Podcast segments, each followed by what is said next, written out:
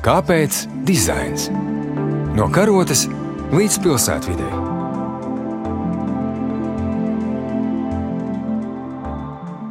Labdien! Studijā Klasika jūs sveicina Ilza Martinsone, Latvijas arhitektūras muzeja vadītāja, un man šoreiz ir divi sarunu biedri. Latvijas Mākslas akadēmijas dizaina nodaļas vadītāja Aija Rozenfelde un funkcionālā dizaina katedras vadītājs Ervīns Pastors. Labdien! Labdien! Lai kas būtu noticis 20. gadsimta gaitā ar dizainu, ar dizaina jēdzienu, ar dizaineriem, kuriem vai nu ir bijis darbs, vai nav bijis darbs. Ir mainījusies izpratne par dizaina jēdzienu kā tādu, kas vispār ir dizains. Bet viena lieta mums 60 gadus ir fundamentāla, un tā ir akadēmiskā dizaina izglītība Latvijā. Šogad Latvijas Mākslas akadēmijas dizaina nodaļa svin 60 pastāvēšanas gadus. Tāpēc es vispirms pavisam nelielu ekskursu vēsturē izstāstīšu. Nodaļa tika nodibināta 1961. gadā, un vārds dizains tobrīd netika lietots. 60. gadi bija lielais pārmaiņu laiks, vēl pēc Hruščova atkušņa, kad vispār ienāca kaut kādas rietumu vēsmas, un cik es zinu, pašu iedzienu dizains ievies pirmais dizaina teorētiķis Herberts Dubins, bet tas bija rietumu termins, un īsti nebija gaumīgi vai droši viņu ieviest akadēmiskas padomju augstskolas paspārnē. Un tāpēc, kā alternatīvs nosaukums, tika izdomāts apzīmējums Rūpnieciskās mākslas nodaļa, tika atvērta, un šis nosaukums arī atbild patiesībai jo visa mācību programma bija vērsta sagatavot jaunos kadrus rūpnieciskai ražošanai, padomju industrializācijas kursam. Un tiešām tā tas bija, ka pirmie absolventi strādāja rūpnīcās un sasniedza patiesībā izcils panākumus. Mēs zinām Gunāru Glūdiņu, ar kura mokikiem un mopēdiem brauca visa Padomju Savienība. Tie bija pirmie nodaļas beidzēji. Un e, Latvijai bija izcili panākumi šajā tieši tehniskajā dizainā. Jaunie dizaineri sadarbojās ar rūpnīcu, ar sarkano zvaigzni, un tur ražoja šos motociklus pat konkrētiem sportistiem, un padomju sporta panākumi tika kaldināti. Un, e, ja mēs bijām spēcīgi tehniskajā dizainā, tad Igauni, piemēram, atšķirībā no mums, bija spēcīgi funkcionālajā dizainā, ražoja plastikāta formas, ļoti modernas un interjerā viņi bija pirmie. Bet es joprojām domāju, ka nav pietiekami novērtēts šis latviešu dizaineru devums tajā laikā, jo to izpratni bremzē acīm redzot tā pierastā doma par padomju tehnikas kvalitāti, kam, protams, ir arī zināms pamats. Nodaļa šajā laikā 60 gados ir piedzīvojusi vis visādas peripētīs, augusi, attīstījusies, mainījusies līdzi laikam mainījusi arī nosaukumu, mainījusi struktūru, ir piedzīvojuši brīžus, kad tās absolventiem 90. gados vispār nebija ko darīt. Bet es domāju, ka mēs esam atkal, atkal tādā nu, augšupējā, jo šobrīd ir notikušas kārtējās lielās pārmaiņas Mākslas akadēmijas struktūrā. Šeit var apgūt daudzas jaunas specialitātes, kas agrāk nebija iespējams akadēmiskā līmenī. Nu, vispirms mums droši vien ir jāsaprot, kas ir dizains un ko māca akadēmijā, tāpēc, ka dizaina jēdziens jau mūsdienās ir nu, nepiedodami devalvēts, varbūt, vai izplatīts uz visām pusēm. Mēs esam redzējuši Rīgas ielās šiltes ar uzrakstu Nagu dizaina akadēmija. tāpēc es gribu jautāt saviem sarunu biedriem, ko tad šobrīd Mākslas akadēmija uzskata par dizainu savā paspārnē. Maija. Jā, nu, nagu dizainu par to būs jāpadomā. To vēl neesam ieviesuši. Bet, uh, jā, nu šajā brīdī var teikt, ka esam tādā momentā, kur mēs gluži vienkārši fiksējam tās lietas, kuras patiesībā mēs kādus gadus, piecus, uh, sešus jau darām. Jo Ir tā, ka mēs šīs lietas, struktūru, jaunās specialitātes virzienus vienmēr iepludinam pamazām un meklējam, kas tad ir tas, ko vajadzētu vai nevajadzētu darīt. Un līdzīgi tika iepludināta šī grafikas un iepakojuma dizaina un arī interjera dizaina specialitātes, kuras sākotnēji bija zem funkcionālā dizaina katedras, un uh, vienkārši redzot to, cik ļoti liela ir šī atsaucība un vajadzība gan industrijā, gan patiesībā interjera dizains jau arī ir tāds kā atjauninājums akadēmijā, nevis gluži jauninājums. Tad uh, rezultātā šajā brīdī mēs gluži vienkārši tuvojamies tādai struktūras skaidrībai, kur dizaina nodaļa turpmāk sastāvēs no piecām apakšnozarēm, kas būs produktu dizains, kas iepriekš ir bijis funkcionālais dizains, arī tātad domājot par šo verbālo skaidrojumu, kur cilvēkiem nerastos jautājumi, vai tad visam dizainam nav jābūt funkcionālam.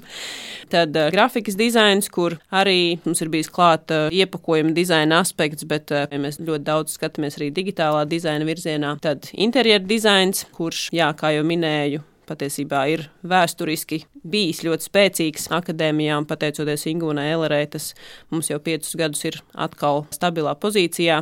Tad uh, mode, kā ļoti neiztrūkstoša arī dizaina nodaļas sastāvdaļa, un, protams, arī metāla dizains. Tās ir tās mūsu bakalaura nozares un virzieni, bet uh, patiesībā arī maģistra līmenī mēs skatāmies, kas tad ir tas, kā studentiem attīstīties, kā dizainam kļūt tādam jaudīgākam, spēcīgākam, un arī izpratne maģistra līmenī ir vairāk jau par to nemateriālo pasauli. Maģistra līmenī attiecīgi tas fokus ir vairāk uz tām dizaina jomām, kur var iesaistīties arī studenti, kuriem nemaz nav šī dizaina vai mākslas iepriekšējā izglītība. Mēs ļoti laipni gaidām sociālo antropologus, biologus, dažne dažādu jomu speciālistus, kuri pieliekot klāt dizaina komponenti, jau spēj daudz jaudīgāk darboties valsts pārvaldē, un tur mēs varam runāt jau par tādām dizaina jomām un disciplīnām kā pakalpojumu dizains, kā pieredzes dizains, komunikācija dizains plašākā jēdzienā, kur mēs nerunājam tikai un vienīgi par ērtumu un par vizuālo skaistumu. Bakalaura pirmā kursa studentam ir vispirms tas jāsaprot, un pēc tam viņš tikai tiek tālāk līdz garīgajai domai. Tas, protams, arī ir veicinājis jaunu programmu rašanos rašanos, un nevar nepieminēt pirmais gads, kad tiek laista gaisā arī startautiskā maģistra programma, kas ir tieši fokusēta uz pakalpojumu dizainu. Bet aktualitāte, protams, ir šīs nemateriālās dizaina jomas, par kurām vēl ir sabiedrībai jāstāsta, kas tas vispār ir un ko dizains var darīt. Jā, bakalaura līmenī, protams, mēs nedaudz arī jau tam pieskaramies, lai viņiem veidojas tā izpratne, un lai viņi arī var jau stāstīt to tālāk, bet maģistrāte tas ir tā jau pamatīgāk. Jā. Kāpēc dizains?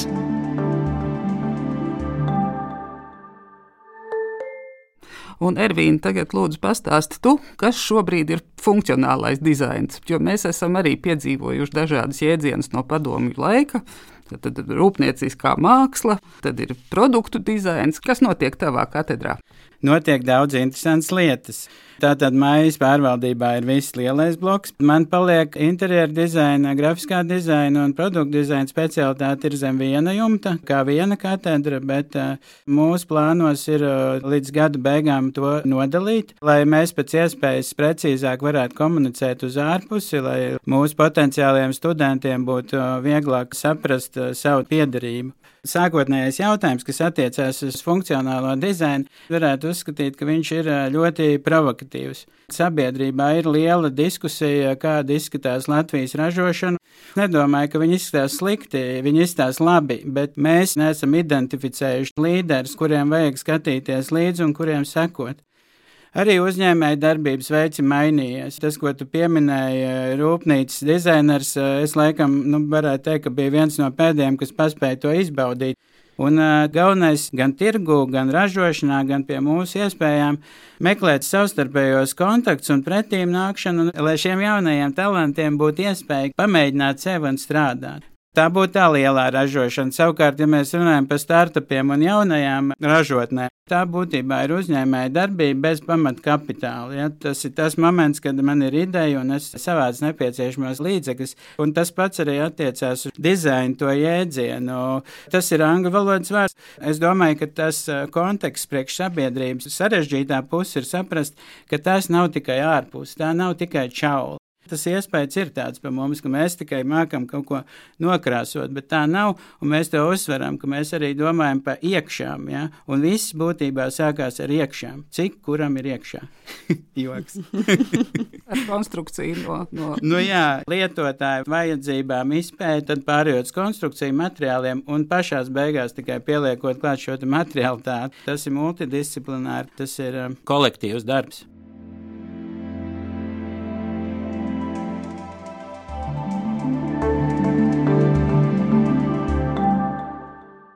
Šobrīd ne tikai akadēmijas nodaļas svin apaļu jubileju, bet liels notikums ir tas, ka ir mainījusies nodaļas vadība jau cik pusgadu. Gan drīz jau būs deviņi mēneši. nu, jā, ir zināms pārējais periods, kamēr jūs iešūpojaties, un katrā augstskolā, katrā disciplīnā vadības maiņa tomēr nozīmē diezgan liels pārmaiņas. Kad akadēmijas dizaina nodaļa dibināja tālvalds Gaumiks, viņam tas bija jādara tukšā vietā. Viņš pats pēc izglītības bija tēlnieks.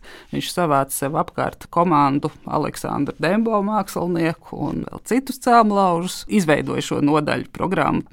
Tagad mums tā situācija ir cita. Mums jau nāk pieredzējuši speciālisti, kas paši jau ir izglītojušies šajā jomā, un tev māja ir jau Eiropas pieredze. Ņujorkas pieredze. O, oh, Ņujorkas. Yeah. tā kā šoreiz mums tās jaunās vēsmas jau nāk iekšā globāli, mums nav nekas jārada tukšā vietā. Gribētu zināt, kāda ir jūsu nodaļas nākotnes vīzija. Mēs jau nevaram paredzēt, cik mēs katrs savā amatā strādāsim, bet es gribu domāt, ka tas nebūs tā kā politiķiem, kas nosprauž kaut ko uz dažiem gadiem, uzraksta programmu un pēc tam aiziet un atnāk nākamie, un viņiem šī programma vairs nav saistoša. Mm. Es ceru, ka jums ir vīzija, ko jūs gribat sasniegt nu, kaut kādā lielākā periodā, kā jūs redzat šo augstskolu dizaina nozīmē. Maija. Dizains tiešām ir nozare, kurā ir jānāk cilvēkiem un profesionāļiem kopā. Un viena no tām pirmajām lietām, ko mēs burtiski arī šajās pirmajās nedēļās jau cenšamies darīt, ir mums visiem nākt daudz vairāk kopā. Tā ir tāda tendence, protams, mums visiem kā cilvēkiem, ka kaut kur ērtāk ir strādāt katram pašam savā stūrītī, bet uh, tiešām tāds uzdevums numur viens ir uh, daudz ciešāka sadarbība dizaina nodaļas ietvaros, attiecīgi starp apakšnodarbiem, ka mēs veidotu gan šīs radošās darbnīcas, gan kādos kursos strādātu daudz vairāk kopā, kur modes dizainers ar metāla dizaineri, ar, ar produktu, ar grafiku un, un attiecīgi, ka jau studiju procesā tiek pagaršots daudz izteiktāk tas, kas pēc tam notiks viņiem reālajā dzīvē, kur uh, viņiem būs jāstrādā komandā un uh, tās cilvēciskās spējas sastrādāties īstenībā viena no ļoti būtiskajām lietām. Tas ir par tādu kopību gan uh, cilvēciski, gan profesionāli. Protams, uh, viens no lielajiem mērķiem ir arī skatīties, kas tad nozarē notiek, jo skaidrs, ka šī nodaļa tika dibināta kā atsaukšanās uz vajadzību. Tajā laikā uz rūpniecības nozari, un arī šodien mums ir tieši tāpat jāskatās, kas tad ir tas, kas ir vajadzīgs. Tādā veidā ir radušās jaunās specializācijas, tādā veidā ir radusies arī starptautiskā maģistrantūra, un es domāju, ka tieši tāpat mums arī ir jāturpina skatīties, kas ir tas kas ir nepieciešams. Kā viena no tēmām ir digitālais un pieredzes dizains, kur jau esam sākuši sarunas ar dažādiem speciālistiem. Tas ir diezgan traki, ja tā var teikt, ka ir liela vajadzība un pieprasījums, bet patiesībā tādas kvalitatīvas izglītības Latvijā šajā jautājumā nav. Tas ir viens no mērķiem, ko gribētos panākt. Bet, protams, ļoti būtiska lieta ir resursu jautājums, kur mūsu rektors aktīvi ar to strādā. Un, un protams, ka mums dizainā ir ļoti svarīga prototipēšanas un, un, un visas darbnīcas. Un, tas ir pie kā mums ir jāstrādā un kas arī jāsakārto un jādabū vēl labākā līmenī kaut ko tu esi ieviesusi no tās savas rietumu pieredzes, piemēram, kopā nākšana? Jā, man jāsaka, man pašai toreiz kā studentam un arī pēc tam drusku pastrādājot Ņujorkā, tas bija diezgan izaicinoši. Man bija tā, es atceros pat sāpīgi, kur man likās, ka man iekšas tiek nedaudz tā laustas uz pusēm ar to, ka tagad taču mans darbiņš un mans. Bet, jā, jā, īstenībā man mm. liekas tieši tas, ko tu pieminēji, mums ir ļoti liela problēma un ne tikai šaurā dizainā, bet bet tautsēmniecībā vispār mentālais vietsētnieks. Bet labā ziņa ir tā, ka tas uh, ātri dzēšās ar pauģu maiņu. Savādāk skatījums ir uz to viensētu, un tur varētu taisīt gan atsevišķu izstādi, kā šī brīža jaunieši studenti skatās uz to viensētu. Bet forši ir, ka mēs zinām savas vājās vietas un varam ar to rēķināties un mēģināt no tā tikt vaļā. Tad vēl viens jautājums ir augstskolas specifika. Šī ir mākslas augstskola, un kā jau Ervīns pieminēja, ka dizains nesastāv tikai no tās āriņas, no tās mākslas, no tā pievilcīgās formas, kas vienkāršam vērotājiem, protams, interesē jaunākais modelis tam un tam, vai krēsls vai šo sēriju es gribētu, bet tas viss sākās no iekšpuses. Un pasaules pieredze ir tāda, ka gan arhitektūra, gan dizains dažās valstīs ir zem tehniskas augstskolas jumta, un dažās zem mākslas augstskolas jumta. Un tad gribi, negribi, tas augstskolas jumts ievirza to jauno censoni, piegriež pēc tādas savas piegrieznes. Mums ir piemērs ar arhitektūru, mums arhitektūru pasniedz Tehniskā universitātē. Beidzēji dabūna ļoti labu tehnisku pamatu, bet reizēm pietrūkst lidojumu. Bet es esmu redzējusi, atkal sekojot līdz mākslas akadēmijas studentiem, ka tas lidojums ir tāds, ka students ir jāķer aiz kājām un jā, jāmēģina pievilkt pie zemes. tā tam jābūt. Tā tam jābūt, jā, bet kā jūs to saredzat, jo es esmu sakojusi gadu gaitā līdzi nodaļas attīstībai un ir bijušas tādas idejas arī radikālas celt ārā dizaina nodaļu no mākslas akadēmijas paspārnes. Kā jūs to saredzat? Pats esmu studējis mākslas akadēmijā akadēmijā ar funkcionālu dizainu katedrā gan bakalaura, gan maģistra grādas iegūs. Es vienmēr studentiem esmu teicis to, ka tā ir milzīga mūsu priekšrocība, ka mēs esam zem radošās augstskolas apakšā, kad ir spēcīgās radošās, piemēram, priekšmetu apakšā, un tad mēs varam pēc savām iespējām to mēģināt kombinēt ar tehniskām zināšanām, lai, lai tiktu pie sava gala mērķa. Nav noslēpums, ka apmaiņas studenti brauc pie mums mācīties zīmēt un gleznot, kur varbūt mēs esam viena no pēdējiem, kas kaut ko tādu māk. Es arī piekrītu, ka tas noteikti ir spēks tajā trakumā un tajā, ka kaut kur nevar noķerties tās kājas to lidojumu, jo varbūt no tāda piemēra, kas arī man pašas profesionālā industrija vairāk tuvāk tieši iepakojuma dizains. Mēs, piemēram, savās lekcijās mācam vairāk tieši šo radošo lidojumu tam iepakojumam, jo pēc tam sadarbībā ar konstruktoriem, ar ražotājiem to trako ideju vienmēr var pārvērst, lai viņi būtu ražojami, lai viņi būtu realizējami. Jo otrādi tas parasti nu, ļoti reti, kad sanāks, ka mēs sāksim no tikai tā, kas ir pareizais, konstruējamais un vienkāršais ražošanā un pēc tam tam mēģināt kaut ko pielikt klāt, lai tas būtu kaut ko atšķirīgs un, un kaut kā savādāk izaicināt šo industriju. Es atceros 90. gadus, kad joprojām Brašs strādāja akadēmijas dizaina nodaļā bet dizaineriem īsti darba nebija. Viņi devās izstāžu zālēs. Es toreiz strādāju dekoratīvās mākslas muzejā, un arī pati kūrēju tā saucamā mākslas dizaina izstādes. Un uz atklāšanu aicinājām augstskolas vadību, un Jānis Andrs Osis toreiz teica atklāšanas runas, bet kuluāros viņš man čukstēja, ka viņš to vairs nevar izturēt, ka viņš ir tā paudze, kas ir pieredzējusi dizaina nodaļas radīšanu, un ka mēs visu laiku patētiski runājam, ka dizains mums ir jārada un ka viņš būs. Bet man liekas, ka šodien, arī pēc šodienas sarunas spriežot, dizains ir. Mums viņš vairs nav jārada.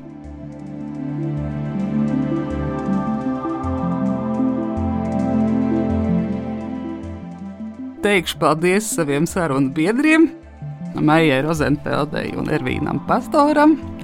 Studijā bija Ilza Martinsone, Latvijas arhitektūras muzeja vadītāja.